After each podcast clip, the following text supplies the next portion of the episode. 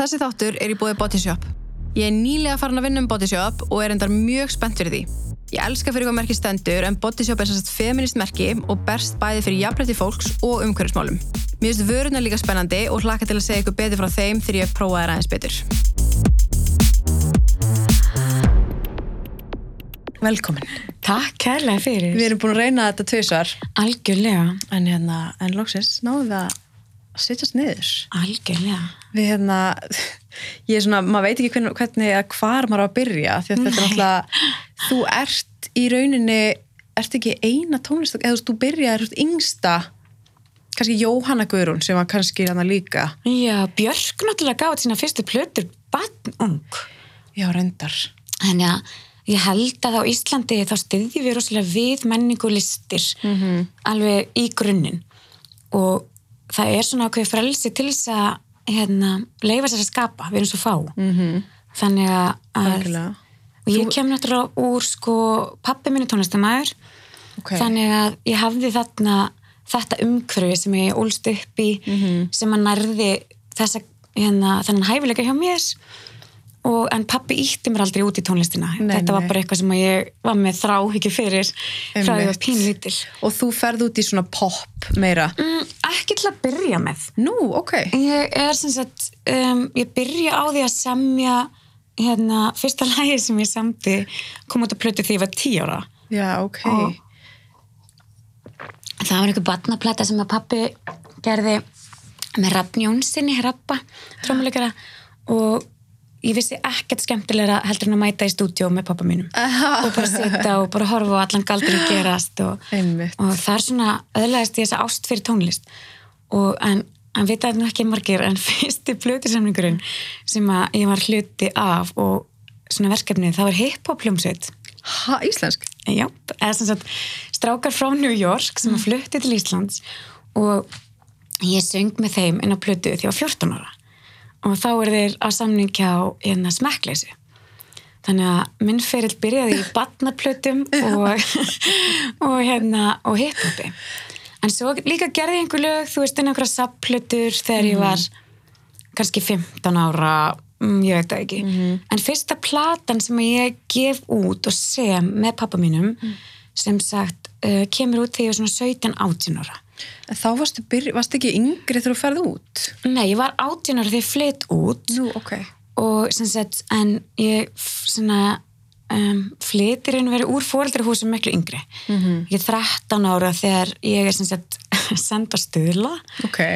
og hérna þannig að það er svo merkilegt þegar maður horfið tilbaka og sér um, áhrifin af ofbeldi og svona þessi ósýnilegu uh, áhrif af ofbeldi mm. ef maður elst upp við ofbeldi eða ofbeldis aðstæðum eða verði fyrir kynfyrsofbeldi ungur um, hvaða áhrif það getur haft Einmitt, það móta mann svo móta svakalega, maður sko. svakalega og ég fór að sína svona hefðina vanda þegar ég var svona 13 ára út frá kynfyrsofbeldi sem ég var fyrir Mhm. á fyrsta fyllirínu mínu og og ég bara breyttist Mhm. ég bara, þú veist fóröldinu mín heldur bara að ég verið í neyslu og og farin að mála mig al, alveg hvita í framann rakaði mér augabrúnar gekk í fötum sem síndi enga engan kynþokka Mhm. þú veist ég bara hvarf, ég vildi bara vera látin vera ég var mjög ung þegar ég fekk brjóst og var svona frekar sexy Mhm. bara mjög ung og mér fannst það rosalega óþægilegt Mhm. af því að ég var fyrir svo svakalega miklu áreiti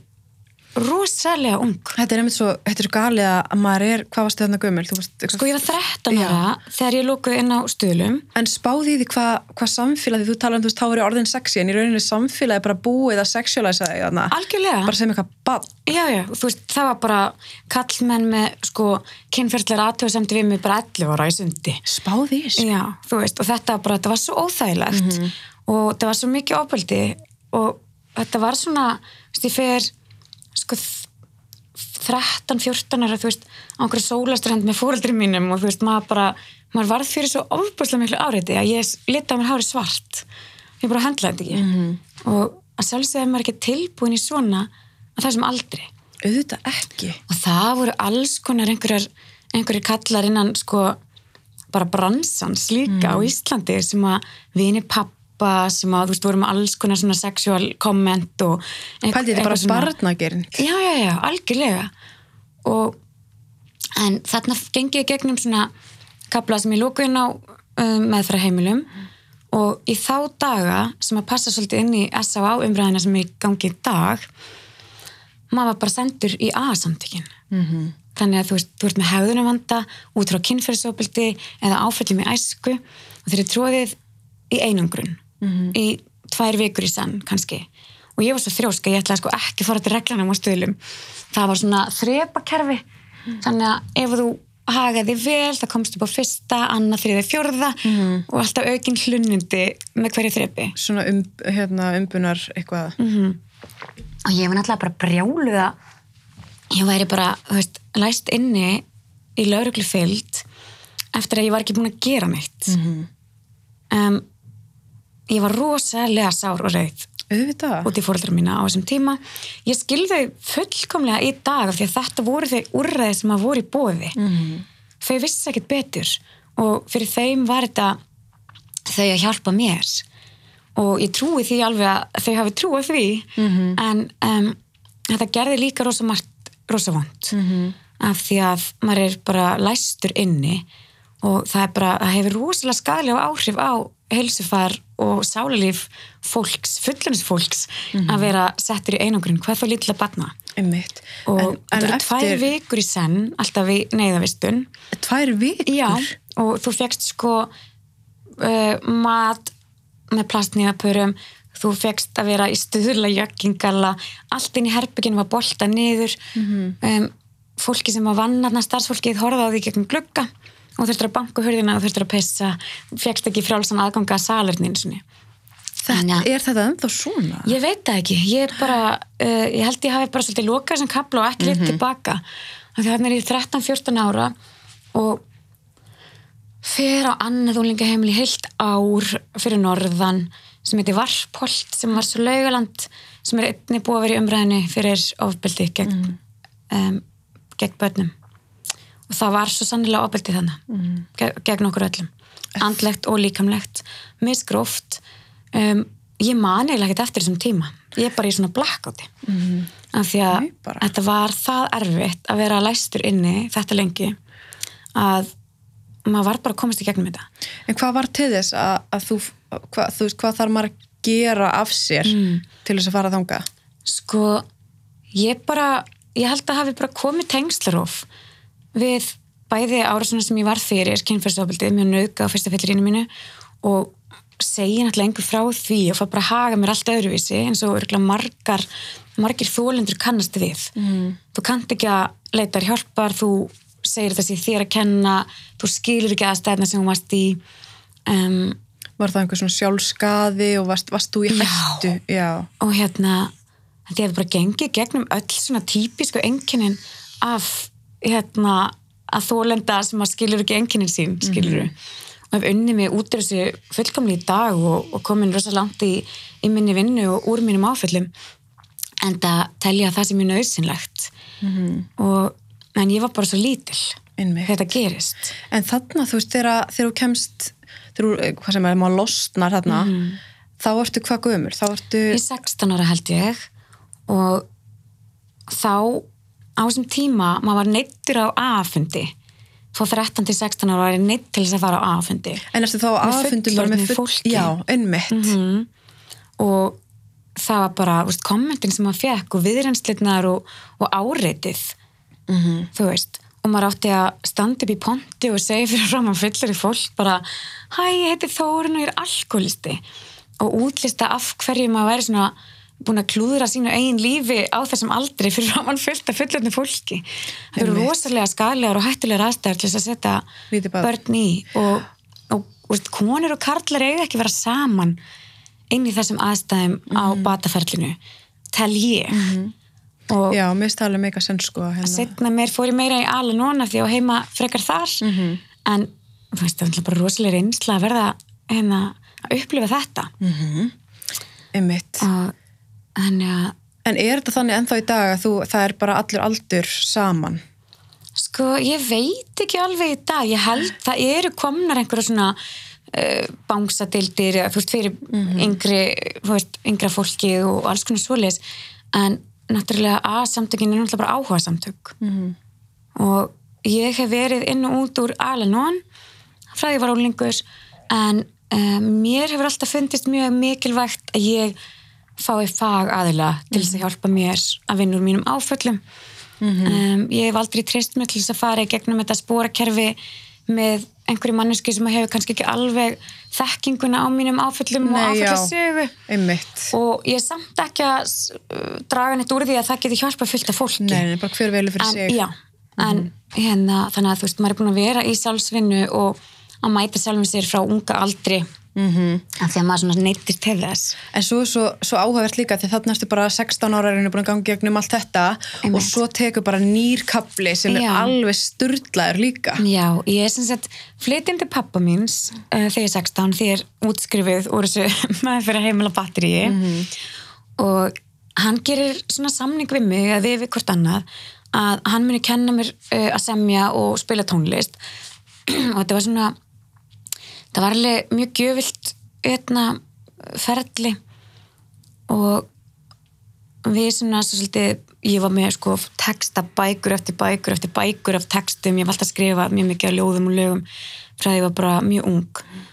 Og þannig við fórum bara yfir lögin saman og, og smíðum þarna plötu sem kemur út um, og ég er svona 16-17 ára þegar að semja lögin. Og hún kemur út til 18 ára. Og það heyra hana sagt, breskir pródúsirar sem er að vinna á Íslandi með lífs hljómsdunni mm. og flytja mig út í stúdíosessjun í Breitlandi Þeir eru bara átjón eða eitthvað. Já, bara að verða átjón með þessi held ég. Og ég segi bara við mamma og pappa bara hæ, ég ætla að fara til London og skrifa undir plötsamning við sjáumst. Og bara geri það. Ég aldrei eins og komið í lest á þér aldrei farið upp í, þú veist bara aldrei flógin eitt ein og ég svona horfið tilbaka og hugsa bara hversu ótrúlega hugur ekki þetta tók. -hmm. en líka kannski allir ég skilji ekki svolítið betur hugur ekkið svona í setni tíð. Af því að um, af því að líf mitt og aðstæður voru þannig að, að ég endaði í svo miklu óöryggi inn á stopnunum, inn í eh, veist, ég bjó ekki í í heilbröðum fjölskyldi kjarna eftir að ég var 13 ára gömul. Þannig að mér fannst ég bara svolítið hafa enga að tapa. -hmm.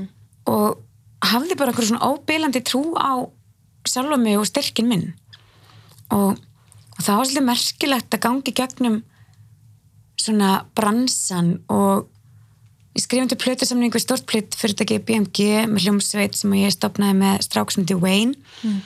og við vorum að túra um allan heim með Nelly Furtado og stærri stjórnum og, og þannig var maður bara settur í bara ofbúrslega professional aðstæður 18-19 ára gamall. Ég bjó í stúdíu sem að Radiohead átti út í sveit í London Abington Didcot og kynntist þarna bara alls konar risastóri fólki innan tónlistabransans. Mm. uh, ég upplifði mig alltaf jafna. Já, ok. ég, ég upplifði mig ekki í Breitlandi á þessum tíma sem eitthvað, einhver skraut fjöður í þessar hljómsveit, ég upplifði algjört jafnbretti, mér fannst algjörlega verið hlustað á mig og ég líka bara er alinn þannig upp. Mamma mín er ótrúlega sterk kona og hefur mætt bara miklu mótlæti gegnum tíðina og er sjálf bara sigurveri og þólandi og hérna hefur kent mér ótrúlega margt.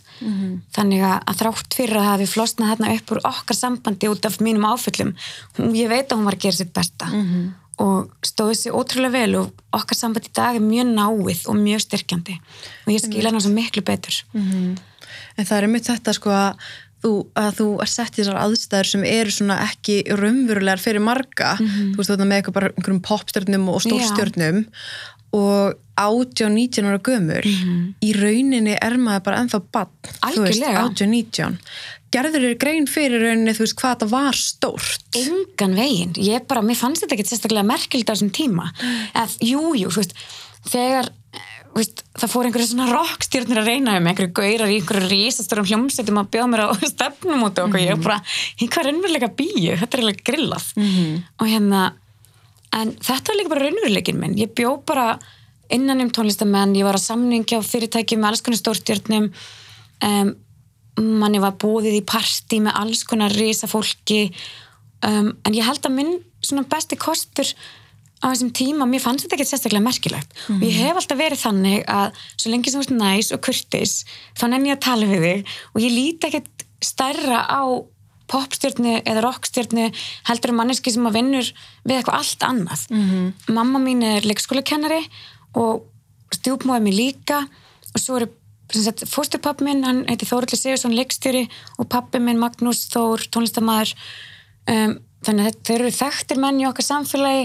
Þannig að ég ólst upp við að hitta rosa mikið af þekktu fólki. Alveg frá því að ég var bara pín lítil. Ég hef aldrei verið á starströk eins og því ég hitti sko Sigur Beintins þegar ég var 6 ára. Þannig að eftir að ég ólst upp við að þetta væri bara einhvers konar raunveruleiki þá ég var aldrei stressið í þessum aðstæðum. Nei, en það er líka þetta sko að, að því maður hugsa líka, ég menna það er enginn þarna úti í þessum bransa að gera þér bara eitthvað greiða, það vilja allir sko piece of the cake og vilja allir í rauninni kannski græða á þér. Algjörlega. sjá eitthvað potential og, og maður velti þessum fyrir sig að því þú er bara 18-19 um, að færða að ráða því bara alveg sjálf hvernig þú gerir hlutina. Sko, á þessum tíma var ég bara svona í indie hljómsveit og ég þakkar óslega fyrir það að hafa ekki farið popleiðina strax. Mér var gefin kostur á því. Þegar ég var að vinna með pappa að fyrstu plötinu minni þá er ég tekin inn í stúdjó um, mjög ung, bara 15 ára á Íslandi og er að um, gera pop tónlist með alls konar flottum strákum í stúdíu sem ég hétt Thule Music gerði þarna nokkur lög sem voru mjög flott og, það var mikil spenna yfir þessi verkefni og, og svo var komin mikil áhugi frá rísa stóru plötfyrirtæki út í heimi og sem var bara með stærstu popstjörnunar á sínu bandi.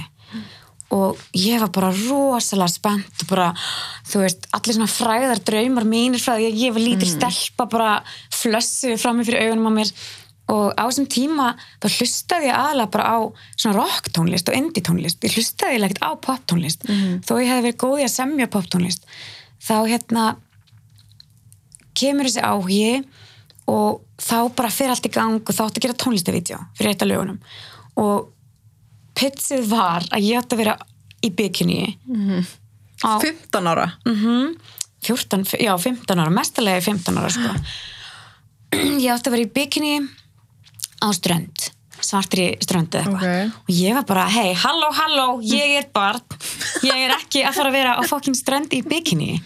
Og ég er svo stolt af þessari litlu stelpu með þetta risastóra bein í nefnu á þessum aldri.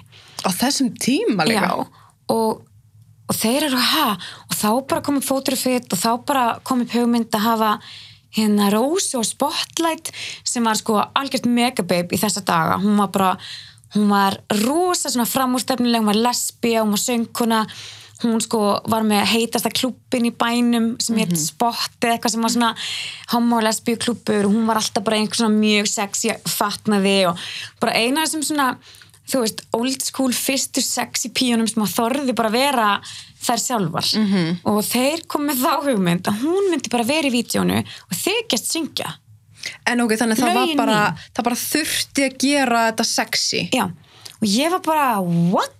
Og ég man, ég fór í sem eru uppreist og ég sagði bara, herru, ég er ekki fara að gera þetta og ég litaði mér hári svart aftur, það var eitthvað svona rebel thing þegar mér var mistbúið að, að fólk er að nýta sér kynþakka minn mm. auðvitað ég var barn -hmm. og ég man bara hvað þetta var óþægilegt og ég held að sko svona fyrsta fyrsta áfallið sem að, sem að tengdi óþægindi við kynþokka fyrir utan að hafa verið, þú veist, bara Jesus fucking Christ, bara, þú veist, við þurfum örgulega bara að þrjá þætti ef við ætlum að tala um á allt óbildið sem ég orðið fyrir. En svona svona ótrúlega stort augnablik þegar ég krakki. Ég var svona 8-9 ára. Og ég var að labba í vinnina til mömmu. Hún vann á leikskóla í miðbænum og pappi bjóð alltaf í miðbænum. Þar ég stoppuð af kallmanni sem að er eitthvað svona, hei maður sjá veistu hvað klukkan er? Og ég er bara eitthvað 8 ára. 8-9 ára. Og ég er bara eitthvað, vá, já hún er. Og hann króa mig af svona uppi hot á götu í miðbænum og byrjar eitthvað svona að klæmast við mig. Og ég skildi þetta ekkert hvað þetta þýtti neitt af þessum orðum sem hún var að segja. Og hann var að reyna að ræna mér með sér bara að tæla mig með sér. Bara hefur einhvern tímann átt samfrið við mann og Oj. má ég sjá þetta og hitt? Og ég bara man bara hversu mikið ég stífnaði og ég man að þarna held ég að svona þú veist að ég hafi upplifað um, svo mikið óta og hræðslu af því að kallminn vildi eitthvað frá mér -hmm. og þarna varði ég bara svona ég var orðin svona pínu bráðþroska og örgulega miklu svona þroskari og kvenleiri heldur en aldrei minn sagði tilum -hmm. Og það er svona svo mikilvægt að við leifum litla stelpunum okkar að vera litla stelpur eins lengi og við mögulega getum og vemdum þær. -hmm. en þarna kom þessi vemdarmekanismi upp hjá mér að ég vildi alls ekki vera litin á sem sexy. Og og hérna, og þegar ég fekk þetta risastóra tækifæri, hérna 15 ára 16 ára mestarlegi að þú veist, þá sagði ég bara nei, fokk ykkur og ég er ennþá svo stolt af þessu augnumliki af því að, þú veist, þannig að lappa ég bara burti frá þessi risatækifæri. Og ég er svo glöð af því að ég veit hversu ég meina að segja bara Britney Spears og þessar ungu Einmitt. konur sem að fá þessi risatækifæri svona snemma. Hvað þetta er mannskemmandi. Algjörlega. Og hvað festist í sko, því að þurfa að vera sexy og þurfa að plýsa öðrum og, og það vilja allir eiga, þú veist, það, það vilja allir eiga þig sko. en þetta var sko veist, ég var henni í indie hljómsveit þegar ég er 18 ára svo bara uh, er ég ráðinn sem bakartasönguna í einni af stærstu hljómsveitum í heimi á þessum tíma sem er junior senior sem að um, allir sem að hafa hýrt uh, lægið þekkir það, þetta er svona Everybody, Já. feet and feel united Já, oh. já, þeir voru með nummer eitt í bandaríkinum og Japan út um allt og ég ráði hann eins sem bakartasönguna og það breytir alveg lífið mínu, ég flyttilega leið með þeim og fæ fullt að geggjum tækifærum við hellanum, veist, tróaskjöldu og bara, ég var þarna bara þú veist, að eiga bara fáránleg augnblík mm -hmm. en er ekki auðvelt að missa sig Jú, það er það og en ég bara, þú veist, ég hef alltaf haft hausinn rosa vel skrúan á. Ég meina þarna í þessa daga þá náttúrulega var bara allt það snerist allt um að hljómsveitir átt að vera úrslega cool ef þú drakst og reyktir og tókst eiturlif og það var rosa töff og cool. Svona punkið sko. Já, þú veist, og þú ættir helst ekki verið með neina mentun, svona breska senan var þannig. Og ég á þarna rosaleg tímabil þú veist, í Los Angeles því býr þar, hitti alls konar risastóra stjörnur og, og hérna og man einhvern tímann hitti Britney Spears inn á almenningsklósiti á einhverjum stað þar sem var svona stjörnuklúpur einhver. Og hún þetta var ég man ekki hvað árið þetta var ég var bara 20 og eitthvað. Og hún kemur inn á klósitið og horfir á mig og horfir í speilin og bara svona oh my god, my arms are like so fat. Og var bara svo komplexuð. Og ég man að ég bara var eitthvað svona að reyna að peppa Britney Spears hvað hann væri flott og bara eitthvað no they're not, bara you're so amazing. Og á hún eitthvað svona útrúlega grillað samtal við Britney Spears þar sem hún var bara grillað þjáð af ofbóðslegum komplexum. Já, ég meina það var örugglega allir í kringum henn að segja hvað hún átt að vera og hvað hún á að gera bara og þú veist. 100% og maður heyri þetta frá vinkunum sínum sem að fóru í gegnum popmaskinuna sem að ég fór blessunlega sér ekki í gegnum. En því þannig er ég bara í einhverju svona semi-indie popbandi sem að verður allt í einu heimsfrægt. Svo fer ég til Bretlands aftur byrja ég svona indie rockljómsveit og við erum bara að túra um Bretland með alls konar fólki. Og á þessum tíma var The Enemy stærsta tónlistablaðið á þessum tíma. Og ég var valin eina þú veist eh, hundra mest töff tónlistafólki í allum heiminum. Vá. og var hérna sæti fyrir ofan Amy Winehouse sem að ég kynntist áður en hún var heimsfræk voru minkunur frá bara Camden í gamla daga. Og hún ringdi mig og bara you fucking bitch. Jú, þetta var árið sem að hún varð svo heimsfræk Já, já, þannig var að þarna var áður. ég veist, 49 og hún 50 á The Enemy Coolest og ógislega fyndi í dag að skoða þetta Jesus, hérna- þetta er eitthvað sem maður er bara með bara upp á vegg sko. Já, ég er það reyndir ekki, það liggur einhverstað bara heima í einhverjum minningakassa En þetta er, svo, þetta er svo áhugavert líka því þarna eru í rauninni svona, þú veist, um, á sama lista, Já. í, en svo fer hún bara, bara verður veist. algjörlega heimsfræg og þetta var svo grillað og þetta var svo ofbáslega þroskandi og, og breytti svolítið sín minni á fræðar drauma -hmm. og fræð á þessum tíma í Breitlandi það voru stelpur hakkaðar í spað ef þú varst í popbransanum þá lágu bara papparatsarnir sko undir pilsunum þínum og reyndu að taka myndir af bara kynfærum hvenna, lapputum e, veist, leigubíla þeir voru að bara uh, tók allt upp úr ruslinu hjá fólki og þetta var bara ógeðisleg ofbildismenning mm. og þú veist, ímyndaður þú veist að koma út af heimilinu öllum stundum og það er bara hópur af kallmennum sem er að öskra á þig einhver nýð er þið býðandi eftir þú snappir mm -hmm. þannig var þetta á henni hún bara allt innu varð heimsfræg og við vinkonur hennar bara veist, vorum í hlátuskasti því allt innu gæsti bara keift Amy Winehouse hárkollu í einhverju partibúð mm -hmm. hún var ennþá bara lifandi hún var allt innu orðin bara fræg og Elvis Presley en bara ennþá lifandi mm -hmm.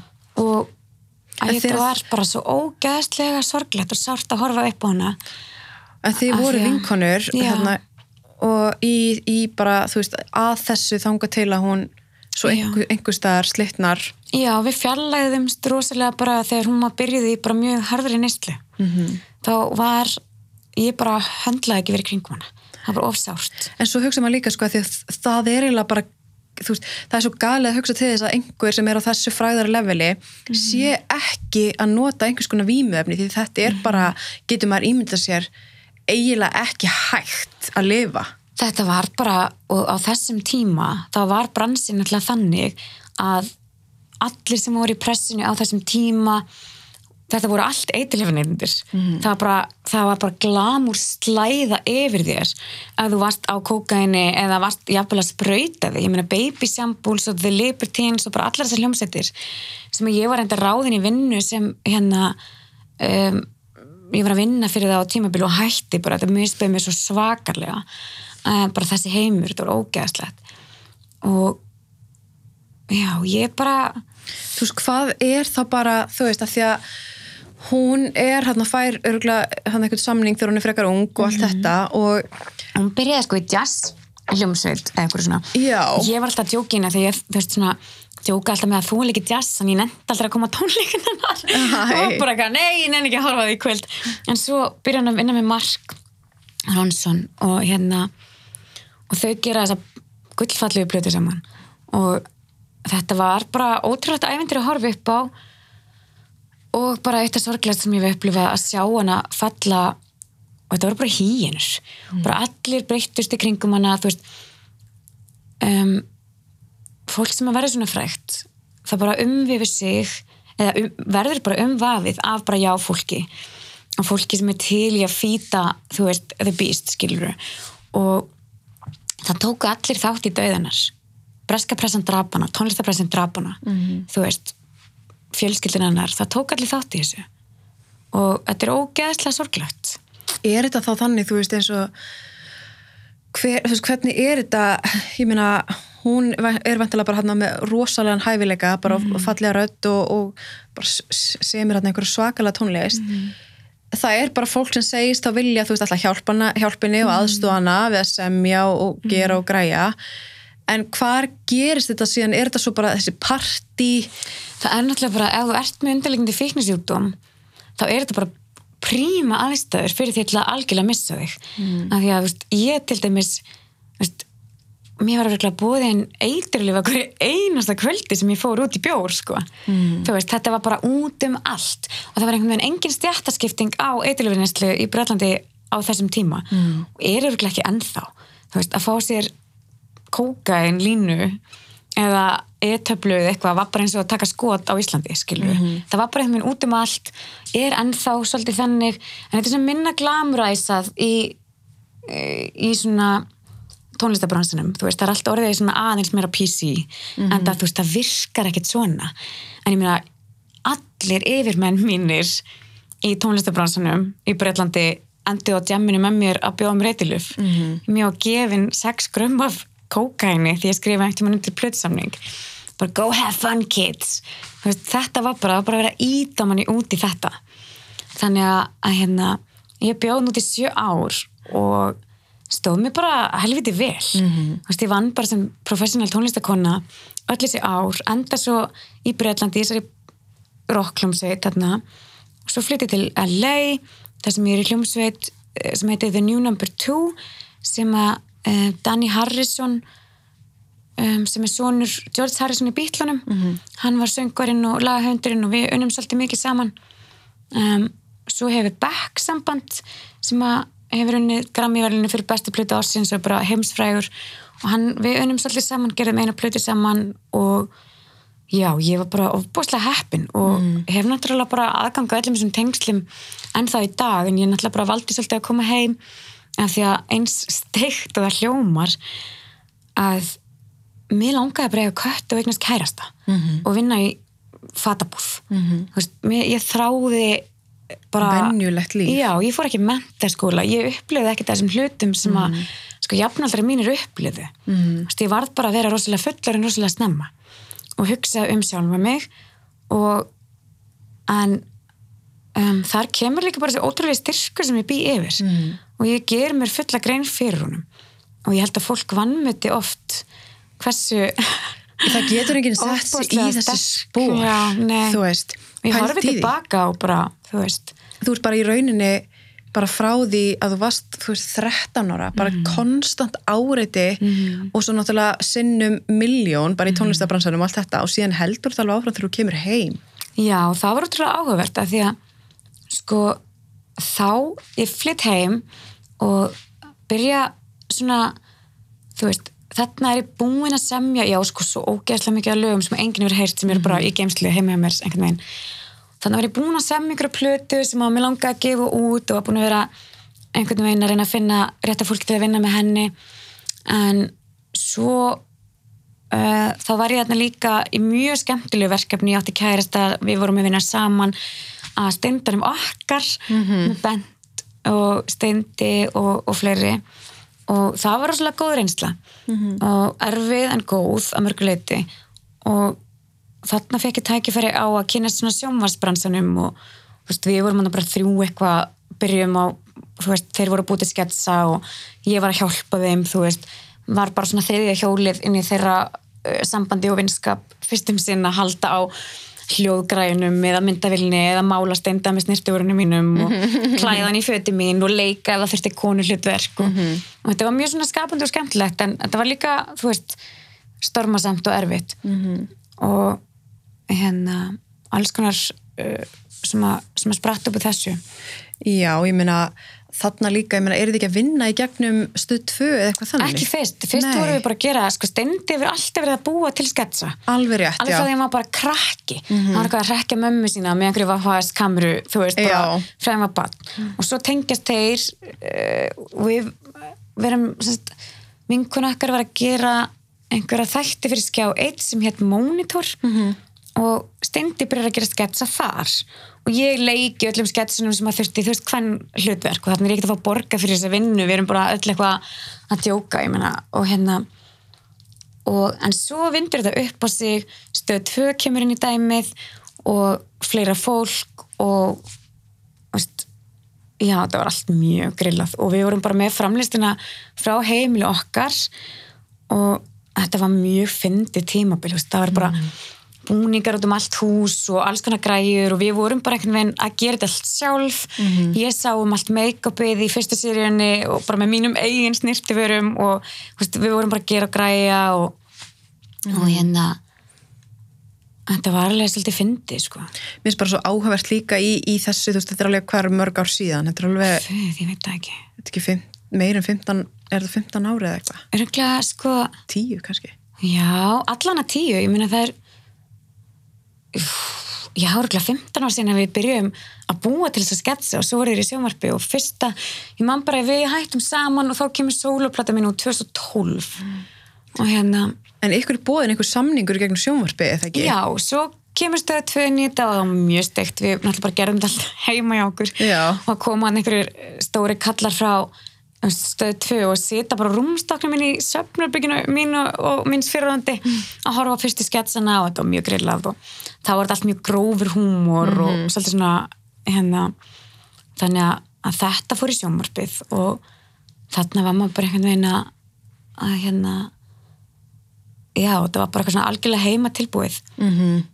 og þeir ætluðu að kalla þetta grínkofan uh, ég var bara strákar, þið getið ekki kalla þetta grínkofan og svaf á þessu og kom með nafni steindin okkar Já, Já. þú átt hugmyndina stendunum já, okkar já, og mér hefur aldrei verið hérna, gefið neitt kredit af því sko. Einmitt. þeir mætti einhvern tímann einhver, einhver við til og var bara já við bara gerum þetta allt sjálfur og, og ég var bara byttu, er ég ekki til fimm á nóttinni úti í, veist, öllum veðrum og vindum haldandi á einhverjum fucking græjum og klæðandi ykkur í fötum mín Já. og þú veist, en þetta var bara svo típist svona, þú veist svona var þetta bara? Mm -hmm. Mér svo fyndi þessu samingi sko að hérna, það er alltaf litið á gaura sem svona sko, hvað segir maður, bara svona irreplaceable. Algjörlega og þeir hafa verið það innan fjölmjöla bransans. Allir þessi ár, það er bara eins og þessi kallar sér með eiliga samning svo drullist vill að verða ólítar og þá bara út með, út með kuna Já. næsta Það er bara, við erum ógíslega replaceable sko, Já, en já, eru bara, það, þú veist, við erum bara flavor of the day þú veist, þeir eru bara hérna með sína eiliga samninga og hérna þetta hefur alltaf verið svona alltaf verið svona og þetta er svona ennþá. þetta er 100% svona en þá það er alveg, þú veist, guð minn góður hvað ég á margar sögur af þessu En þú veist, hvernig er þetta, þú veist, af hverju? Af hverju taka allir þátt í þessu? Ég veit það ekki og já það er svolítið merkilegt að horfa tilbaka með glerugunum sem að eru komin í dag Mhm. -hmm. af því að um, þú veist ég er að stelpa sem að er að fyrst byrjar þetta bara á því að ég er að gera kærastanum mínum greiða með því að leika í alls konar sketsum og þú veist það var mjög skemmtilegt mjög svona uh, veist, drífandi og leikandi og maður bara hitti alls konar fólk og þetta var bara að mörguleiti frábær tími -hmm. en að mörguleiti rosa sár tími líka því að um, ég var í ofbildið sambandi -hmm. og það er náttúrulega sett í skugga á þetta allt um, svo er svo ótrúlega áhugavert bara hvernig allir taka þátt í þú veist þessum eiliga samningum hjá þessum mönnum Einmitt. og þeir eru einhvern veginn alltaf gildu hestarnir og við bara einhvers grautfjöður mm. -hmm. ég upp úr þessu, upp úr því að ég lék hérna í einhverjum- veit ekki hversu mörgum seríunum af stendanum og hérna og átti bara rosa stóran þátt í ferlinu á þessu. Þú veist, propsinu, make-upinu alls konar lúkum, þú veist. Og hérna, þá er mér sagt, fer ég að fá svona fleiri sjónvarsverkefni og Jesus, hvað er ótrúlegt að horfa tilbaki í dag. Ég byrjaði þarna í þætti sem þetta tindakynnslöðin og ég og Björn Bræði vorum þarna saman. Við okkur smelt saman og áttum að vera samstarfsaðilar í þessum þætti. Og ég held að bara fólk kannski hafi ekki verið að átta sig á því að veist, ég var búin að vera að vinna professionally veist, innan reisastórs bransa bara frá því ég var mjög ung. Þannig ég leit kannski ekkit á þetta sem einhver risa, risa tækifæri og var bara ekki tilbúin að láta allt yfir mig ganga. -hmm. og þarna eru við tvær manneskjur. Hann kall, ég kona áttum að vera í sömu stöðu innan sama fyrirtækis að gera þátt saman.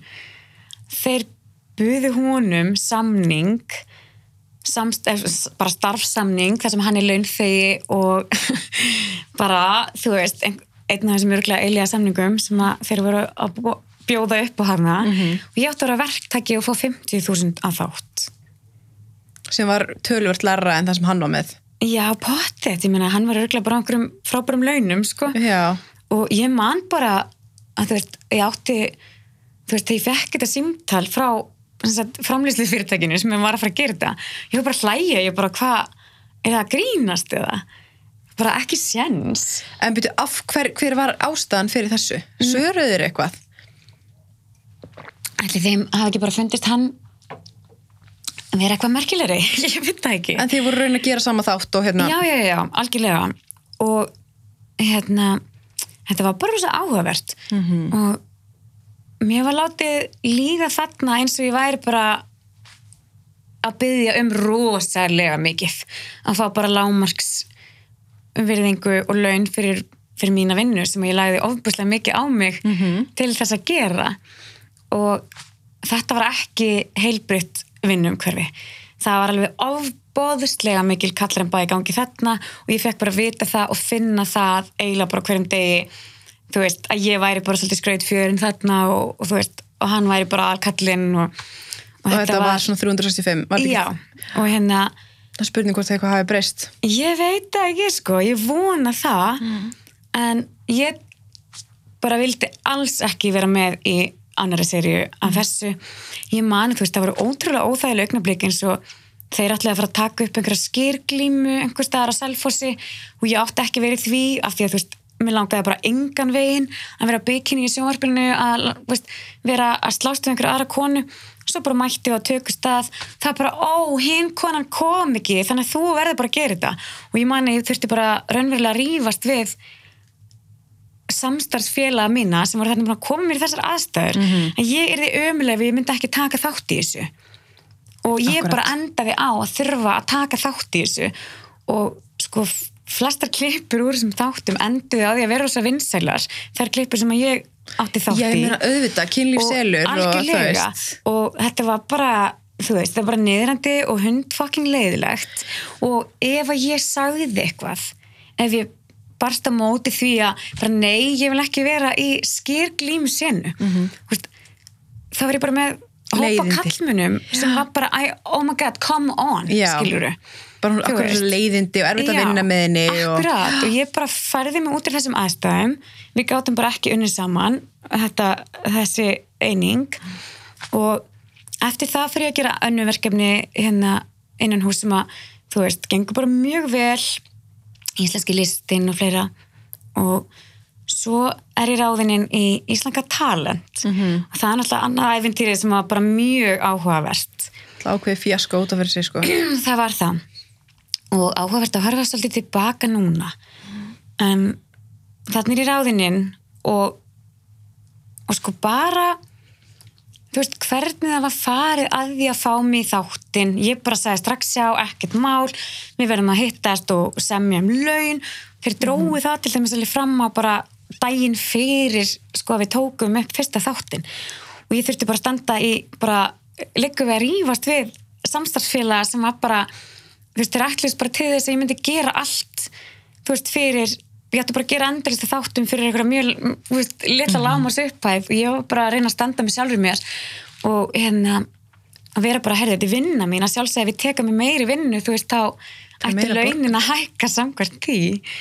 Og þannig þú veist, ég þurfti bara að berjast fyrir einhvern veginn bara tilveru rétt mínum sem manneskja, þú veist að fá laun fyrir vinnuna mína að fá lámars virðingu í vinnunum minni þú veist, þetta var bara ótrúlega grillað. Þú veist, að koma út úr tónlistabransinum um, á erlendir grundu þar sem ég upplýði svo allt, allt, allt öðruvísi stemmingu. Ég upplýði oft já, já, ég var eina stelpan í mörgum hljómsveitum og alls konar skiluru en en þú upplýðir samt að þú skiptir ótrúlega miklu máli. Al, alltaf og þú veist, ég var bara alin þannig upp. Ég var alin upp sem sko sniðu að þú veist, klárastelpan, þú veist, ekki sem eitthvað bimbo sem að, þú veist, er bara skrautfjöð fyrir kallmenn en í rauninni er sko samt, maður elstu þetta ekki þannig upp en svo er samfélagið alltaf að segja er þú er að vera þannig. Akkurat. íta er í þá átt og svo þegar maður verður jafnvel fyrir þá átt að þá er þið refsa fyrir það. Algjörlega og þetta er svo áhugavert af því að sko svona áður en að já, ég sem sagt í millitíðina áður en að ég fer í Íslanga talent það ákvað ég, tók ég meðvitið ákvörun um að ég ætlaði að verða popstjarna mm -hmm. og það því að, þú veist, ég greip ekki tækifæri því ég var 15 ára og átti þá að vera svo sexy -hmm. og hef alltaf elskað poptónlist og hérna þannig að ég bara hafði saman til Berntsen, við fórum að gera tónlist saman sem var mjög vinsæl tek bara meðvitað ákvörðin um að þarna ætlaði ég bara að óna kynþokka minn sem fullar þinn manniska og það var rosalega áhugavert. Ég var í spandexkalla bara svona eins og þú veist, þú ert í þegar þú ert að dansa, mm -hmm. það var hingað upp. Þú veist, ég var ekki að sína það var ekki að sína bara bygginguna hérna útlínunar á líkamannum mínum, skiluru maður er fáklættur í sundi, skiluru og þetta allir svo svakalegum eistla, sko. Það er bara, maður má ekki vera sexy eina sekundu sem popstjarna á Íslandi. Nei, en í Þetta var rauninni bara- samt sko uh, það er í rauninni verið að íta þér þá átt sko en svo þegar þú gerir það sko þá máttu það ekki. Og sko vá, ofbeldið og ógeðið í kommentarkerfinu á YouTube. Oh það er bara, God. djövill myndi ég gera píkun á hann rauða.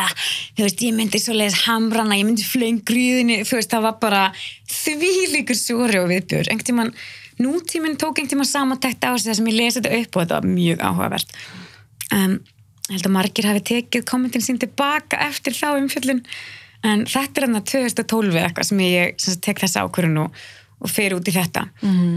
og, þarna það var bara svolítið komið fram við svolítið svona sem bara eitthvað eitthva bimbo. Já, hvað það bara, þú veist, að þekktir menn að ringi í mig og byggja mig um að koma í spandæskarlinum í eitthvað partí og syngja Britney Spears lög. Og ég var bara, veist, ég er ekki strippari, sko, þú veist, hérna, Þetta er svo surrealist, ekki það ætla að snúst um mig, en þetta er bara um leið og póstar mynda þér sem er Já. svona ber, að þá færið bara skila, bara, herru, vinnu minn er að halda stekkjapartín, hérna gæti þú komið, maður er bara afsakið, ég veit það. er eitthvað að? það er svo ótrúlega áhugavert. Og það er alveg eitthvað svona hérna, einhver lína sem ég hef líka verið að explora. Mist ótrúlegt ef ég posta mynda mér á nærfittunum bara hversu mörg læk ég fæ. Ég er bara, hvað er að gerast? Og líka hversu mikið, hati maður fær og bara, já, þú veist eins og maður sé að gjaldfjalla greind sína með að sína nekt sína. Það er svo ótrúlega surrealist en þetta er rosa áhugavert að verða popstjarna sem að þorða að vera sexy og hatri, hatri sem ég fekk fyrir þetta en líka ástin. Og núna tíu árum setna er virðist þessi plata vera að rýsa upp aftur. Það er bara endalist að mentaskólum að bóka mig og, Já, og fá alls konar ást fyrir þetta sem ég kannski hérna þú veist, og var, ég er bara mjög hissa á og þakka ótrúlega fyrir af því þetta var líka geggja verkefni þú veist, þarna er ég að vinna með kallmanni sem að bara ótrúlega mikla virðingu fyrir mér og mínum hæfileikum og lagasmíðum og minni getur til þess að þú veist, vinna að, að, að, að vinsætli plötu sem hún var og er. Og þetta leita en að vinsætli lista þú veist á Spáni og umbúrsmaður Kæli með nóg kringdi mig og Vá. hún var að pæli að taka too late En þetta Þú er veist, einmitt þetta svo- er bara ótrúlega skrítið og fyndið En þetta er svo gali líka því þú ert náttúrulega bara hafða með, þú veist, bara meiri reynslu en flestir aðri tónlistamenn á. Íslandi í rauninni. Að hérna, að síðanastu þarftu í rauninni ertu, hérna, færðu Íslandika á talent verkefnið og þarftu í rauninni að berjast fyrir því að fá, þú veist, borgað. Já, og bara svona, þú veist, ekki bara því að fá borga, bara svona að vera, þú veist, komið fram með mér sem manniska. Einmitt. Þú veist, ég var bara, þú veist, ok,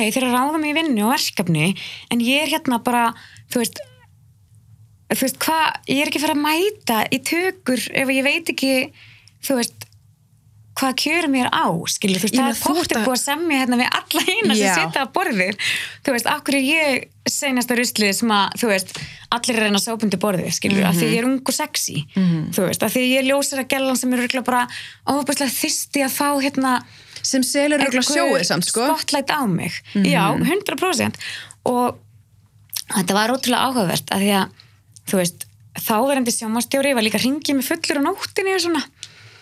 Þú veist, ég vaknaði bara mótnana og bara, já, klukkan 5 hringdi þessi aðili í þig, ég bara, oi, þú veist, hvað Já, veist, hvað er, hvað er í gangi hér?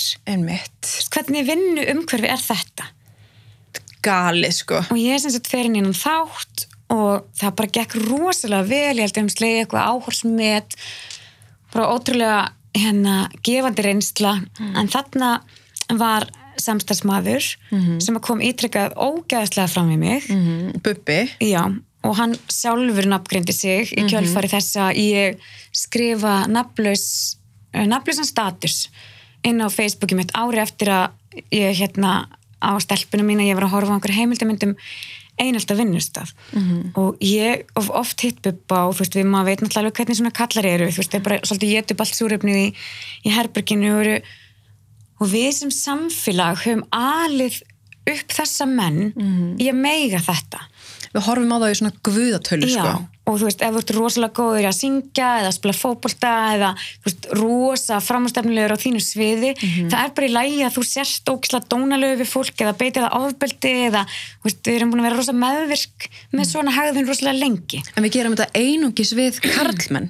Já, já, þú veist, við konur, ég menna, þú veist, við meðum ekki anda, þú veist, við meðum alltaf bara poppa badni, þá erum við bara cancelled. Þú bara þú segir ykkur um að þegja og þú ert bara útskóður á samfélaginu, sko. Já, en þetta var rosalega áhugavert að því að, þú veist, þetta byrjaði bara svona, uh, þú veist, sem eitthvað svona þú veist, einhver svona komment og svo bara verður það fleiri komment það er bara, þýður all, e, allar eins þessar gælur sem ælu upp á öllu sem er borðið.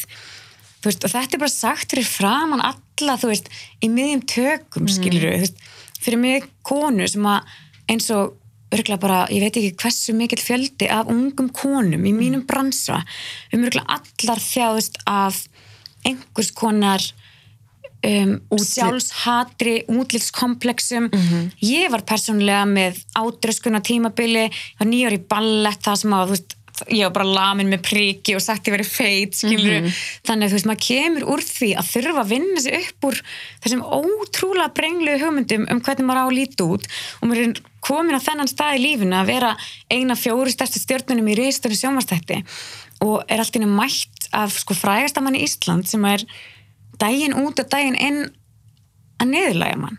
Fyrir framann alla samstarfsfélag okkar. Í sko og skýlur sér örugglega bak við það sko að Þetta var bara djók. já, bara grín sko. Bara þér allar eins þessar stelpur sem æla upp öll sem er borðið og bara svona persónlegu ljót komment endalaust og veist, einhvern tíma var ég að koma út á klósettinu bara þá er það að pissa þér út fyrir. Bara allar ekki að þurrka þetta upp og pissar alltaf út fyrir bara eitthvað svona mjög niðurlægandi og endalaust og veist, daginn sem við vorum sko að fara upp á sviði í beinni útsendingu fyrir að loka þáttunum þá þú veist, þá voru hann og Jón í einhverju svona grínslag með einhverju súkulæðmóla og veist, ég var eitthvað svona að reyna að setja með maskaran fyrir, þú veist, bara loka touch-up fyrir beinar útsendingur. Og ég nýr hann óleitt þarna, þú veist, þannig að ég held að allar konur sem að eignast börn viti hvernig fyrsti vikunar á meðgöngunni er.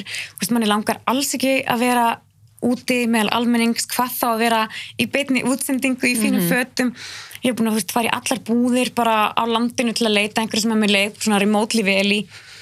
Og hann bara byrjar hann að grýta í með súkulegamólum bara, þú veist, sekundir sem ég er að fara inn á sviðu, ég er bara, Beppi, hætti þessi, hvað er þetta að gera? Þú veist, hann bara hætti ekki. Það er bara endalast að svona augnablikum sem voru svo taktleis og yfirstrikið og óþægileg. En mitt og, veist, minna, þú veist einhvern tímann kom framlendin þú veist, framhjá og hann bara guð, þú veist, kemur hann alltaf svona fram við þig? Og ég bara, já þetta er bara svo les. Og hann sagði, ok og veist, ég bara, ég ætla bara veist, bara haldi þetta út, ég er professional ég ætla ekki, ég nenni ekki einhverju drama. Þú veist, ég ætla bara að klára þetta. Og áður en að þetta gerist það gerist alveg svakalega alvarlegt atvik. Og hérna það var sem sagt við vorum hann að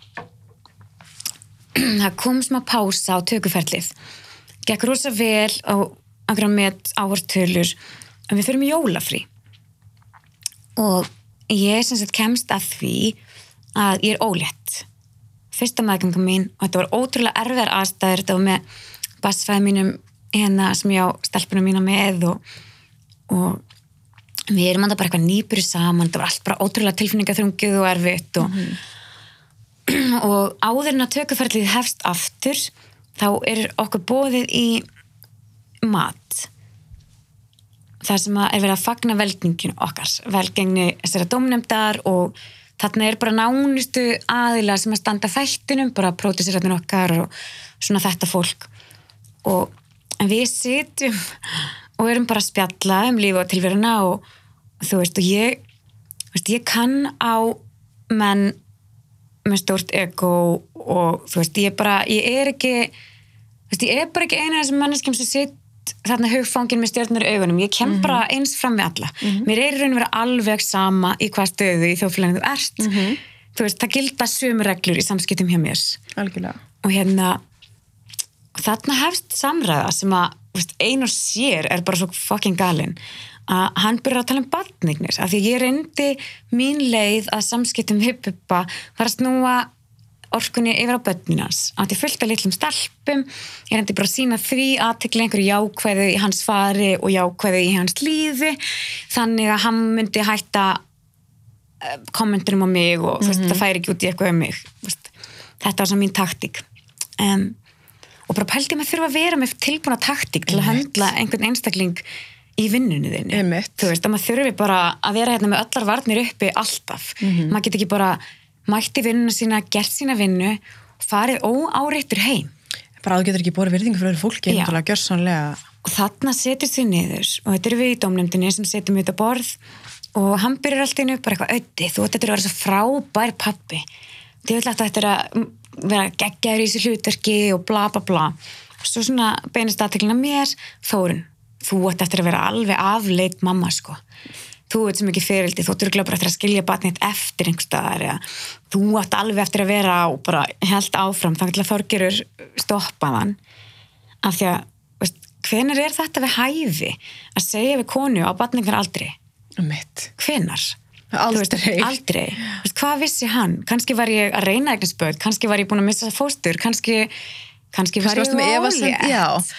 Einmitt. og sem ég var. Þannig að þú veist, ég var að berjast í tárin að meðan hann var að kalla mig slæma móðir í djóki. Einmitt. og svo stendur einna prótisunum okkur upp og tilkynur okkur það að af því að um, við erum búin að standa okkur svo vel og þetta var svo mikið velgengni að við verðum öll með í næstu serju það var búið ákveða það af því að þetta var bara eitthvað dream team og bara gekk svo vel, bla bla bla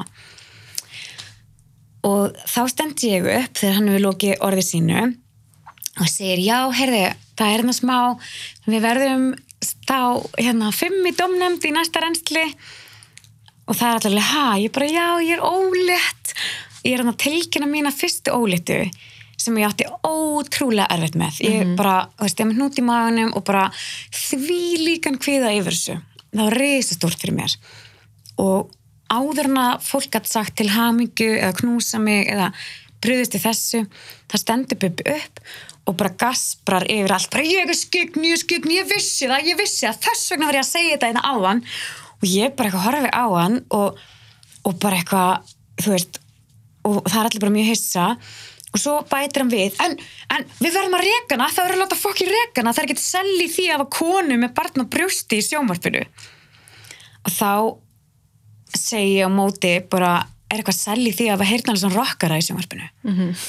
og Þorgerur þarna segir um að, að setjast niður. Og svo fer hann heim stutt eftir það.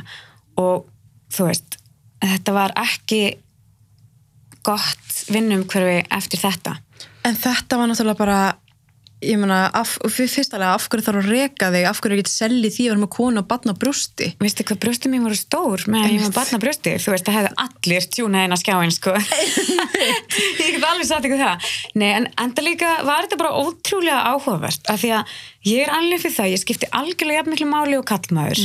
Þú veist, og hef átt þannig reynslu, alla mínu starfsæfi sem ég byrjaði í bæði og mjög ung byrjaði ég að mæta í mjög professional starfsumhverfi frá bara 14-15 ára aldri í stúdíu með alls konar kallmunum sem ég fekk eiginlega aldrei þetta væp frá mm -hmm. þannig er ég einhvern veginn komin á þannig stað í mínu ferli að maður er á einhverjum reysastórum plakatum út um allan bæ og þú veist, nóg mikið nafn til að selja einhvern þátt en þetta er framkoman En sem er líka sko ógæðast að styrla í þessu samingi að, að sko þetta endar þannig að var það ekki þannig að þú Jú, sko við klárum það, veist, bara eftir þessar beinu útsendingar og þær voru bara veist, það var eitthvað sagt erfiðar. Mm -hmm. að vinna í þessum kringustæði með manni sem er búin að segja við alla sem vinnu með að það þurfa að láta reka þig. Og ég var bara, er þetta rétt, allir að reka mig? Og það voru allir bara neinin en ég hlusta ekki á hann og, og ég sendi mér að segja sko, þú veist, Þorgeri skilabóð daginn eftir og bara ég svo með mín að ég hendla alltaf að koma í vinnuna bara það allir mér ofbáslegum sársöka og, og kvíða. Já, bara Þú veist, óvissu. Já, og líka bara þú veist þú ert ólétt að fyrsta barninu þínu og allt sem að þú hefur kannski hræðist hinga til í tónlistabransunum eða í fjölmjölabransunum að það er konur sem að þyrfa sér að verða óléttar það er bara búið að finna eitthvað nýjan í plassir að þeir koma tilbaka mm -hmm. þú veist og það er svona stanslist svolítið komið fram um hann eins og maður sé gamla kúin þegar þú ert búin að ungu þenni batni sko. Veist, að bara verða einhvern veginn fyrir þessu og þessum ljóslefandi fordómum frægasta manns Íslands Mhm. sem að áallar þessari dætur líka ég var bara, mér fannst þetta bara svo að, þú Þetta er surrealist sko. heilina mig bara klopna í tvent og ég bara reyni að standa með með príði í loka útsendingunum þannig er ég að díla við sko rosalega hefi hluti. Mm. þú veist ofbáðslega hefi hluti. Og bæði bara innan sambandsmins og það voru heilsubrestir á meðgöngunni. Ég var greind með MS sem var reynda að tekið tilbaka fimm árum setna en þannig er ég að díla við sko daglega blóðna sér blindandi höfuverki og ég er sitjandi í flóðljósum með manni sem er bara að nýta hvert einast tækifæri til að láta mér líða illa. Mm -hmm. Þetta voru ofbóðustlega stressandi aðstæður fyrir ólita konu og bara fyrir hvaða manneski sem er. Að sjálfsögðu. Og svo sem sagt hætta tökurnar og eina sem ég veit er bara að við erum öll í næsti dómnefnd og eigum að mæta bara í vinnuna þú veist, þegar barnið mitt er orðið þú veist, fjara mánuða eða eitthvað sangat skipulagi. Og svo bara fæ ég simtal þú veist, þegar hún er stelpa minni í fætt, ég fæ help meðgangu eitrun í fæðingun hennar dónasti í fæðingun hennar veist, þetta var rosalegt áfall -hmm. og fekk ofislega áfallistreitu og kvíða eftir þetta sem ég var bara mjög dögulega að vinna mér upp úr og hlakkaði ótrúlega til að mæta bara aftur í vinnuna og bara grunaði ekki að eitthvað af þessu myndi vera til þess að vinnan mín er tekinn frá mig líka mm -hmm. svo bara fæði símtál bara dægin áður en að tökur hefjast bara að við bara vorum búin að taka alla af borðinu og, og endur hugsa þetta og, og við bara tókum það ákveðinu þú verður ekki með. Og þannig er ég bara með kornabarn í afkomi kvíða. Þú veist, það er búin að taka mig vinnuna lítilegka mig og einhvern veginn þetta var bara ótrúlega leiðilegt og En hver var ástæðan fyrir þessu? bara engin ástæða, þetta bara þú veist, það voru bara allir þaul skoðaðir og Ok, þannig að þér var tilkynnt síðast í síðustu þáttum að, þið, að það eru allir með. Mhm. Bubbi stendur upp á sætinu og segir að það þarf að rekana, það er ekkert mm selja í þessu hérna. E, Daginn fyrir næstu tökur þá ert þú ekki með. Akkurat, En þú veist, uh, segir engin neitt? Nei. Selma er fengin í staðin fyrir þig? Já, og ég bara, auðvitað bör engan kalla til Mm, að hennar, hún var náttúrulega bara ráðin inn í, í, í, í sitt starf og við rættum þetta sínum tíma og þú veist, skilur þetta er bara, ég held að ég get lofa eftir því að allar konur sem hafa unnið í fjölmjölum síðustu 20 árin hafa einhverjar svipaðar sögur að segja. En það var sagt allir endur skoðaðir en, en þú varst látin fara og Selma komin í staðinn. Mm og engin útskýring á þessu? Nei, nei, engin útskýring og áhugaverðast að vita var að Jón eignast batna nákvæmlega sama tíma.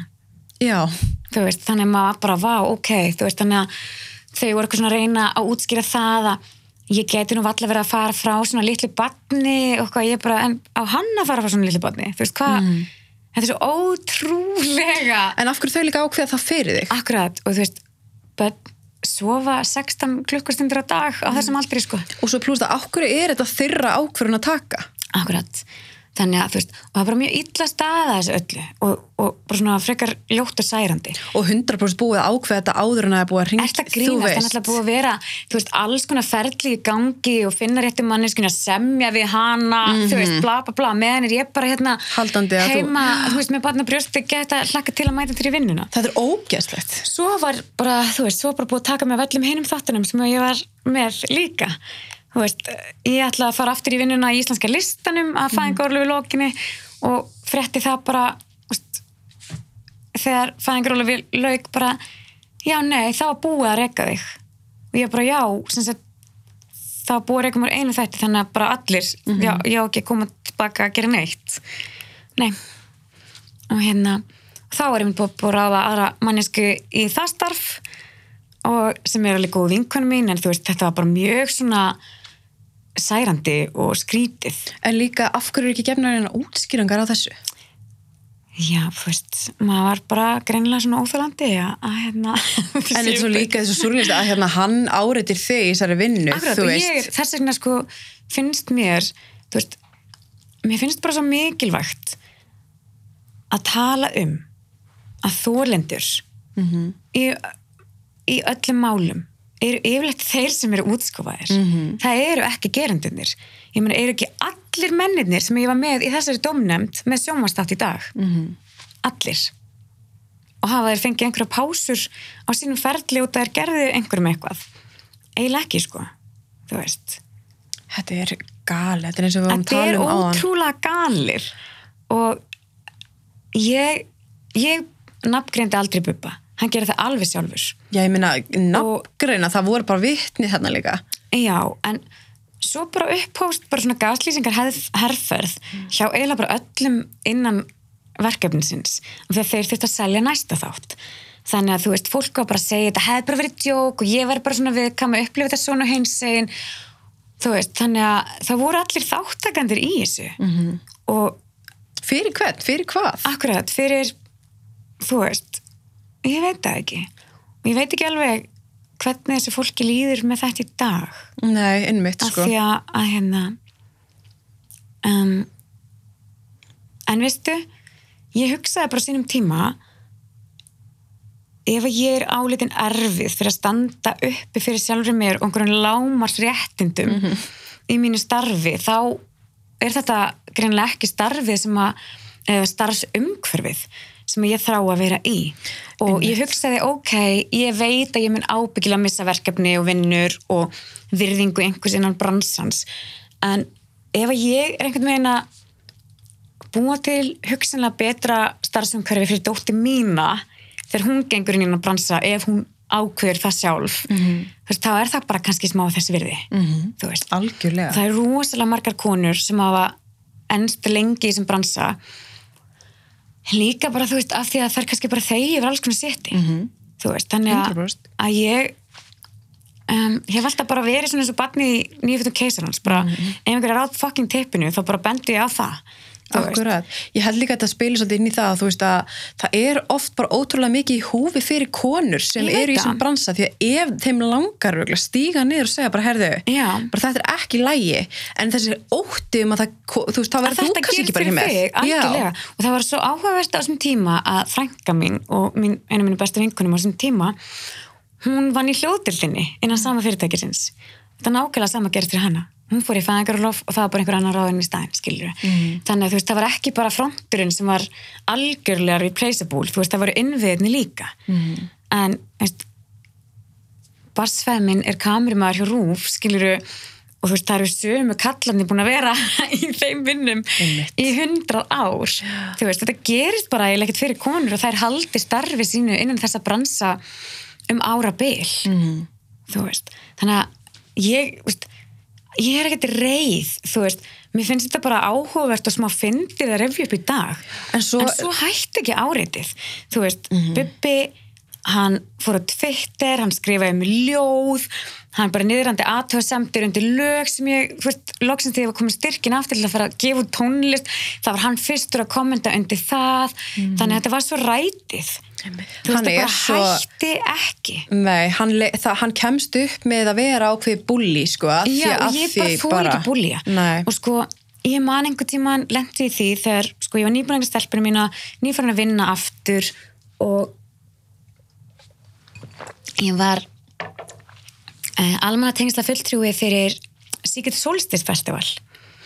Og yfirmæður minn og eigandi festivalsins kemur í vinna og segir en ég átti mjög áhugavert samtal við tónlistakonni gær um þig.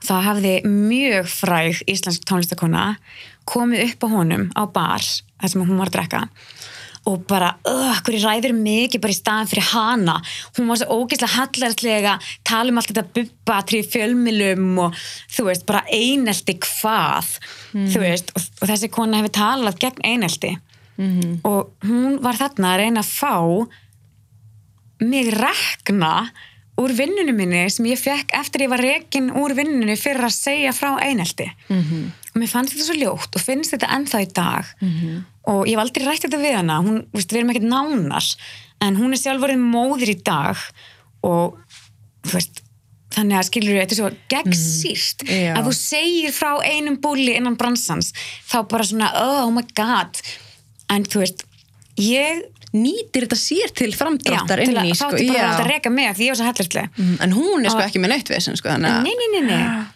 Og þú veist, ég ólst upp út af skelljagranda mm -hmm. við hliðin á skelljagrandabræðurunum sem að mm -hmm. börðu mig sundur saman og lögðu alla einelti í kringum sig mm -hmm. ég veit hvað einelti er mhm. ég veit hvað ofbeldi er ég meina þú ert kona Já, þú, þú veist hvað ofbeldi er algjörlega, þú veist, ég bjóða hvennaðkurinu sem barn ég veit mhm. nákvæmlega hvað ofbeldi er og það getur verið svo ótrúlega útsmógið og bara komment, komment, komment, komment, komment þú veist, niðurif, niðurif, niðurif, niðurif drópin hóla steinin.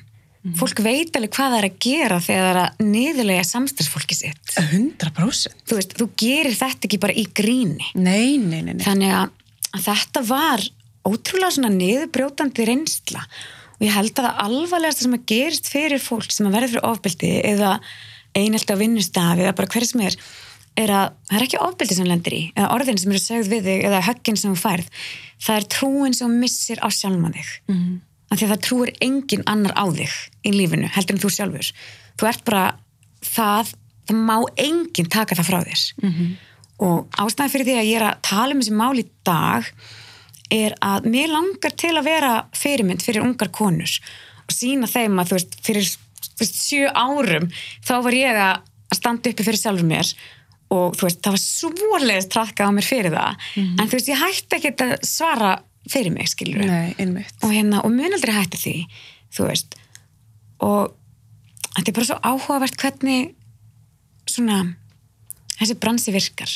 Og líka bara hvaða viðmóti sko þólendur mæta ef þeir hafa hugur ekki til að standa upp fyrir sjálfum sér.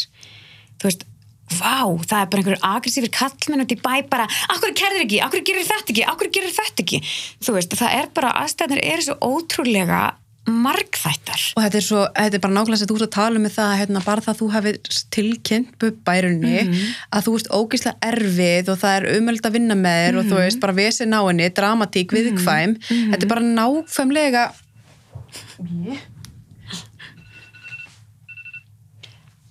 Þetta er bara nákvæmlega ástæðan fyrir okkur konur nenn ekki að segja frá. 100% af því að sko um leið og segir frá einhverju þá ert þú bara orðin þú veist, svona brenni mert sem erfið að gælan sko. þú veist, það er bara ekki að valdi við þessa lengur. Ah, fám nýja, þú þú veist. sér bara í kommentarkerunum leið og maður setur eitthvað fram að það er bara, þú veist, fer þessi hérna, tuss ekki hægt að væla og hvernig það hún þarf að halda kjafti, bla bla bla. Akkurat. þú veist, í dag, samfélag hefur ekki tolerans fyrir þessu í dag, sko. Ég er að vera að vinna í banka. Og það verið tveir bankastarfsmenn og manneska myndi tilkjanna meðgöngu sína á ársatíð bankans og samstarfsmaður myndi benda á þessa samstarfskonu og segja það verið að rekana, það verið að rekana það má engin kona með barn á brjósti vinna í banka. Þú veist, hversu styktar þessar aðstæður eru ef þú setur þær bara þú veist, eða tveir leikskólastarfsmenn eða, þú veist af hverju er þetta í lægi innan fjölmiðlabransans eða tónlistabransans eða þú veist þess vegna elska ég veist, nútíma konur eins og þú veist Cardi B og Rihanna og fleiri sem eru að byrta myndir af sér ólettri en þetta er bara partur að vera kona. Ég meina við sköpum fucking líf með líkvænum okkar. Að við þurfum að berjast fyrir því að fá lámars virðingu frá kallmennum er raun og verið bara algjörlega fáránlegt. Galið, sko. Og það er það. Og þú veist, já, já, ég veit að það er þarna einhver lúðrasveit sem að mun horfa á þetta viðtal og við erum bara byrjar hún alltaf að væli við þessu? Þetta er bara svo miklu stærra en þetta. Já, og ég meina, við, við, við vitum alveg hvað þöggun er þegar við sjáum hana, sko. Herðu, þetta er svo mikil þöggun að sko, veist, ég held að Bubbi hefði fengið einhvern óttar gæðlækni vinsinn til þess að uh, skrifa einhverja greinum að ég var í raun að beita hann einelti og ofbeldi fyrir að hafa sagt frá minni reynslu nafnlust á minni Facebook síðu. Þögguna tilbyrðinir voru svo sterkir og ógæsleir og þið getur alveg trúa því að ekki fekk ég eitt sjómasverkefni eftir að þetta gerðist. Þú veist, ekki fyrir hann Einmitt. þú veist, er ekki ennþá bara allir að sjá hann í einhverjum dyrða ljóma skiluru Ég held að maður sé nú alveg, hann hoppa nú bara á einhverja lestar bara þegar honum hendar, sko. En þú veist, hann mun eiga það að síðan að þetta gerist, það var mjög duglegur upphefja, þú veist, ungar listakonur hvort sem að það er gert með einlægum hætti eða til að reyna að skapa sér nýja ímynd eftir hvernig hann kom fram með mig Mm, Já, hann, hann bara sagaði með um einhverja nortnaverð núna bara fyrir þrendum, sko þannig að hann er Já. bara segir eitthvað, er ekki hægt að taka marka á hann þú veist, hann er stórkustlegur listamaður, hann má eiga það það verður ekki tekið á honum sko, mér er alveg sama mm -hmm. hversu góður pípar þú ert Einmitt. eða hárgreislimaður eða tónlistamaður, það gefur þér ekki leifi á að koma ógeðslega fram við aðra. algjörlega veist, það er engin stjættaskipting þegar kemur að virðingu Nei. og, og jafnrétti. og þú veist, þú ert ekki yfir aðra hafin sko. Nei, það er bara svolítið þannig. En þetta er bara svolítið áhugavert og En það er líka eitt í þessu, mér finnst alveg nöðsulegt, þú veist að það getur öllum á og allt þetta og þú veist, en, en, en hefur það í þér að byggjast, þú veist, byggja viðkomandi hann kom afsökunar? upp á mér og bara, ég var bara að djóka hana þú veist, og svo árið setna, það stelpum mér núna einsatsgömmul og ég fær svona styrkin í að bara þú veist, bara æla þessu út í mér þú veist, og þá er mitt kom bara skýta bomba eftir skýta bomba um mig og minn karakter og ég var bara viðkvæm og ég hef bara tekið svona hins einn og ég held að þú veist það hefði einhverju tæknimenn sem voru í krúinu mætti í útásfjöld til að segja að þetta hefði bara alls ekki verið svona bara að vemda hagsmunni þáttana eða ímyndar buppa, ég veist, veit ekki eins og hver var tilgangurinn. En líka bara, hvað veit að þeir um þína upplifun? algjörlega. Og þú veist, það sem ég hamraði svo stert á okkur þarna, bara fyrirgefðu bara eitt orð. Þú veist það er ekki að segja fyrirgefðu að segja þetta, hún var bara fokkin viðkvæm og hún er bara auðmyggi og ég er búin að segja fyrirgefðu. Það er ekki að segja fyrirgefðu. Nei, og líka skrifa einhverja pistla frá einhverjum gæðlækni og fá útarsmenni við, veist, hvaða leikrið er þetta? hvaða ótrúlega djúbstæða gaslýsing er þetta Einmitt. en það er svo ofbúrslega þann, oft þannig með ofbildismenn að það er þessi gaslýsingar tekni sem að þeir nota Mhm. óspart maður heyrir þetta mjög mikið í fólki til dæmis í forsjámálum Mhm. það eru kallmenn sem er í forsjá deilum við konurnar sem að eru að börn með sem að liggja á línunni Já. hjá alls konar fjölmjölum bara það til þess að taka niður ímynd manneskunar Mhm. hvað gerir það fyrir barnið þitt ef þú liggur á línunni að reyna sverta móðir þess Mhm. í fjölmjölum Og líka bara eitthvað random fólk. Já, þú veist, þannig að ofbeldi það síjast inn á svo ofbáslega marga grundvelli Mm. og þessi gaslýsingatekni hjá kallmunum er bara ótrúlega, veist, Hún hefur, alveg, hún hefur verið að virka í den sko, en Já. hún er ekki að virka lengur. Það er Nei, það sem þeir er eru eitthvað aðeins að miskilja sko. algjörlega, sko. En, en svona í lokin líka, ég hérna, fyrir þremur árum þá kærðir þú kynferðisbrot. Já, ég kæri mann sem að hafi brotið á mér kynferðslega. Ég verð fyrir árás á heimilu mínu að höndum minnst fyrirhundandi og það eru alveg tíu ár síðan að þetta gerist eða meira, jú, tíu ár held ég. Og þetta var gróft heimilisofbildi og mér er skellt ítrekkað í gólfið, hann tekur í, eitthvað öklan á mér og hendur mér í gólfið ítrekkað og það endar á því ég læsist í bakinu og er flutt með sjúkrabíl upp á bráðamöndöku þeir sækja mig í vinnuna þar sem ég var að vinna að tindikynslu á þætti. Og ég er, sagt er þarna einhver tíma sólarringu eitthvað í kjölfarið fer ég og leita mér aðstofa til manns sem að var að meðhandla rosalega mikið af frægu fólki á þessum tíma. Mjög mikið af frægu íþróttafólki. Hann var kallaði svona stjörnu meðhandlarinn og mér er talið trúum að hann geti bara hreinlega gert kraftaverk fyrir mig. Og þarna er ég bara, ég gæti valla að verkjum í, í spjaldrygnum og læsist enn þann dag í dag eftir þetta ofbildi og fer þarna og hann brýtur á mér í þriða tímanum sem að ég kem til hans. Þanga til var hann svona svolítið að grúma mig í brotið, alltaf að fara nær og nær og telja mig trúum að þú veist hans aðferðir væru uh, einhvern veginn til þess ætlar að hjálpa og og svona taldi mér rosa trúum að væri eitthvað að mér á, þú veist, bara kynfæra sveðinu, bara, ó, þó er nú að gera eitthvað í grindabottsveðunum og hinn og þessu og þú fór alltaf nær og nær og þegar maður fer til einhver sem að er ætlað að hjálpa manni, hvort það er læknir eða sálfræðingur eða gæðlæknir eða tannlæknir. Mhm. auðvitað liggum maður bara og fylgir fyrirmælum. Bara já, farur öllinu með nærbuksunum og þú bara legg- leggst niður og þú veist, þú tre- treystir bara í blindni. Ég gerði það áður en ég fór til þessa manns, ég gerði það ekki í dag Nei, nei, en- nei. og hann sem sagt endur á að brjóta mig kynfyrslega hann treður bara fingurinn minn í leggingin á mér og, og reynir bara basically, já, bara nöðga mér. Og ég sem sagt bara ítunum að mér og, og næði einhvern veginn með herkjum að komast í burtu. Og ég var það niðurbrotin á þessum tíma. Ég var, það var ofbildis samband sem ég bjó við og bara orðið þannig að þú veist, þetta var bara mjög svona erfæðar heimilistæðstæður og og ég sagt fór aftur eftir þessa áras og hérna hafði ekki kjart til að fara fyrir hann miklu setna eftir að ofbildið bara var ennþá grófara. Og fyrir alla þá sem að þú veist segja af hverju fórst ekki fyrr við allar konurnar eða mennina sem að er í þessum aðstæðum? Þetta er ekki eitthvað sem gerist á einni nóttu. Þú ert markvis brotið niður. Þú veist, ég upplifði orð eins og þú ert of heimsk fyrir lífið. Það elskar þig enginn, þú átt ekki fjölskyldu. Fóröldur einir elskuð ekki. Þess vegna sendur þig á úlingaheimili þá enginn eftir að elska þig nema ég. Þannig að þú veist, það er búið að koma manni þannig í aðstæðnar að maður hafi enga undankomilið maður bara upplifir maður eigi engan annan stað að venda. Og ég í raun og veru bara eftir þessi nuttari braut á mér, ég bara lokaði augun fyrir þessu hætti svo í þessu sambandi, hafði lóksast þóru þrek til þess. Svo nokkur málum setna þá reki augun í grein í blaði um einhvern nuttara sem er búin að vera að brjóta á bara fullt af konum.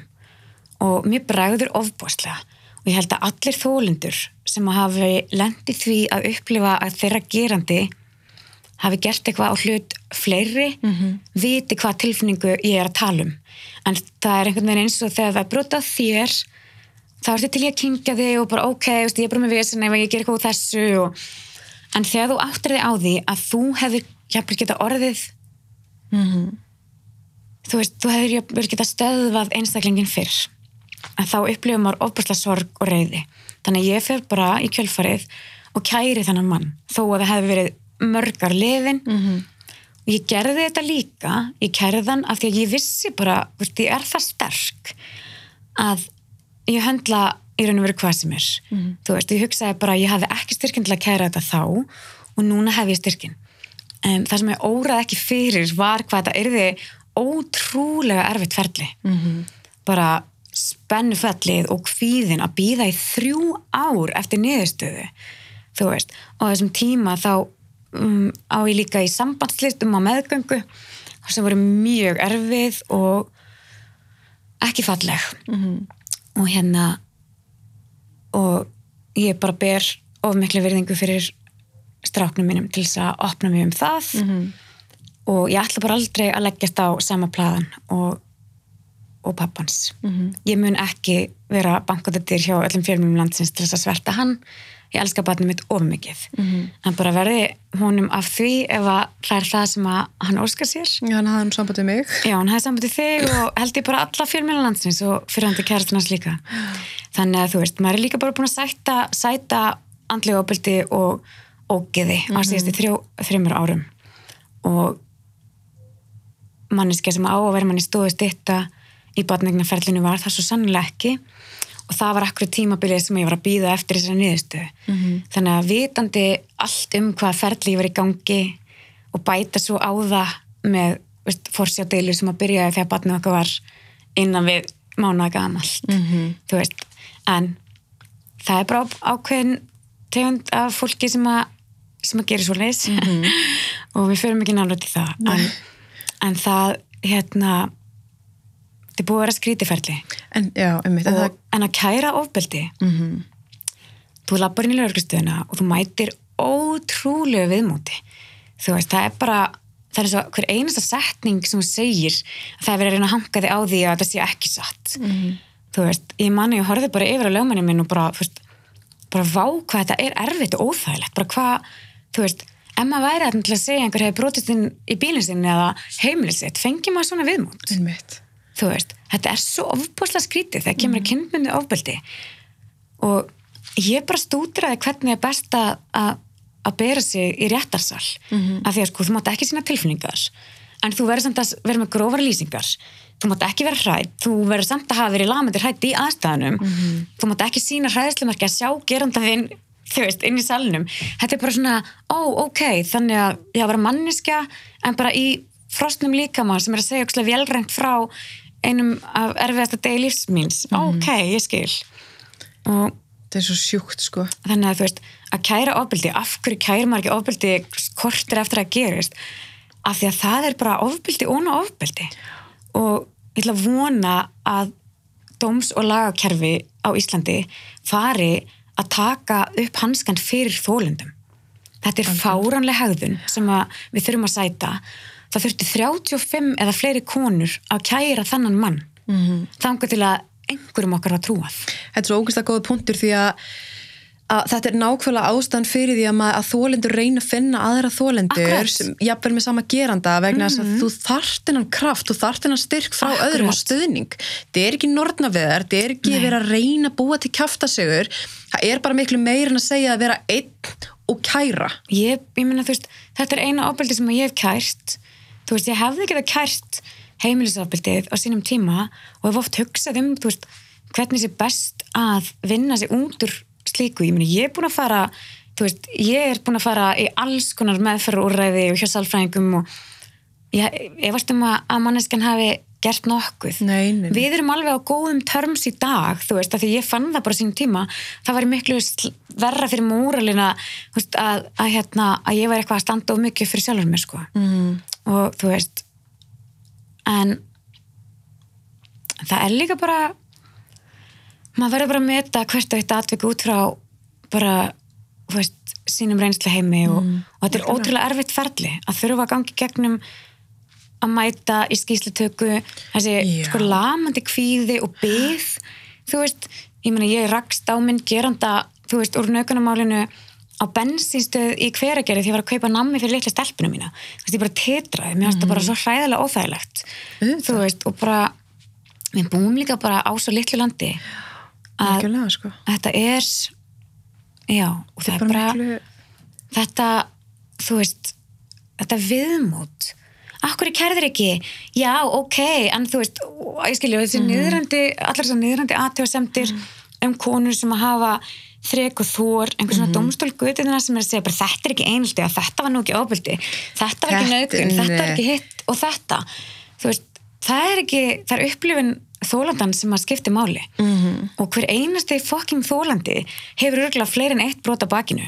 Algjörlega. Þannig að þú veist, er það ekki eitthvað sem við þurfum bara að tala úst, ótrúlega hátt um Algjörlega. og stoppa og þess vegna eru svona óþjólandi konur eins og ég Já.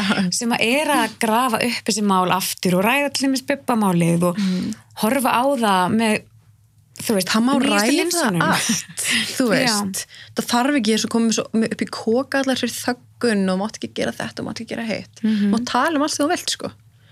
Þannig að þú veist, ég mun bara já, ég held að ég muni alltaf reyna að vera sterk og, og þú veist að halda áfram að að tala gegn kynbundu ofbeldi og mína reynslur. En ég er líka bara svo þakklátt fyrir styrk ungra kvenna í dag. Ég veit það er bara það er, bara, það er ekkert tolerans fyrir mm -hmm. kynbundu ofbeldi eða mismunun og ég er bara, yes. Yngri sko er alveg með þetta. Algjörlega og kallmenn líka, ég meina þó að ég hafi hatt hræðilega reynsli af ofbúrslega mörgum kallmennum þá elska ég kallmenn og það Vá. er svo margir frábæri kallmenn og það er þeirra tími núna. -hmm. þú veist, það er þeirra tími núna. Þetta er alltaf sem við segjum, þú veist, það er 95, 94, 95, 96% gerenda eru kallmenn, Algjörlega. en það er ekki 95% af öllum kallmennum Nei, gerendur. algjörlega ekki. minni hluti. Já, og þess vegna þurfa strákar líka þú veist, að standa svolítið með okkur dæturum, systurum, kæristum mm Mhm. vinnufélögum til þess að gera aðstæður í lífinu okkar Betri. betri, Mhm. þú veist ekki taka þátt í vinnustæðineltinu ekki taka þátt í að þetta hafi bara verið djók Mhm. þegar samstarfskonaðin fer grænjandi heim á vinnunni, þú veist, í hverju viku Æ, skilur Akkurat. bara getum við aðeins fyrir að vinna saman Einmitt. það er bara held ég, já, Algjörlega. Bara takk aðeinslega fyrir að koma. Búið að geggja að hafa þig. Bara... 50 bindi af þáttum takk fyrir mig Takk sem við leiðis.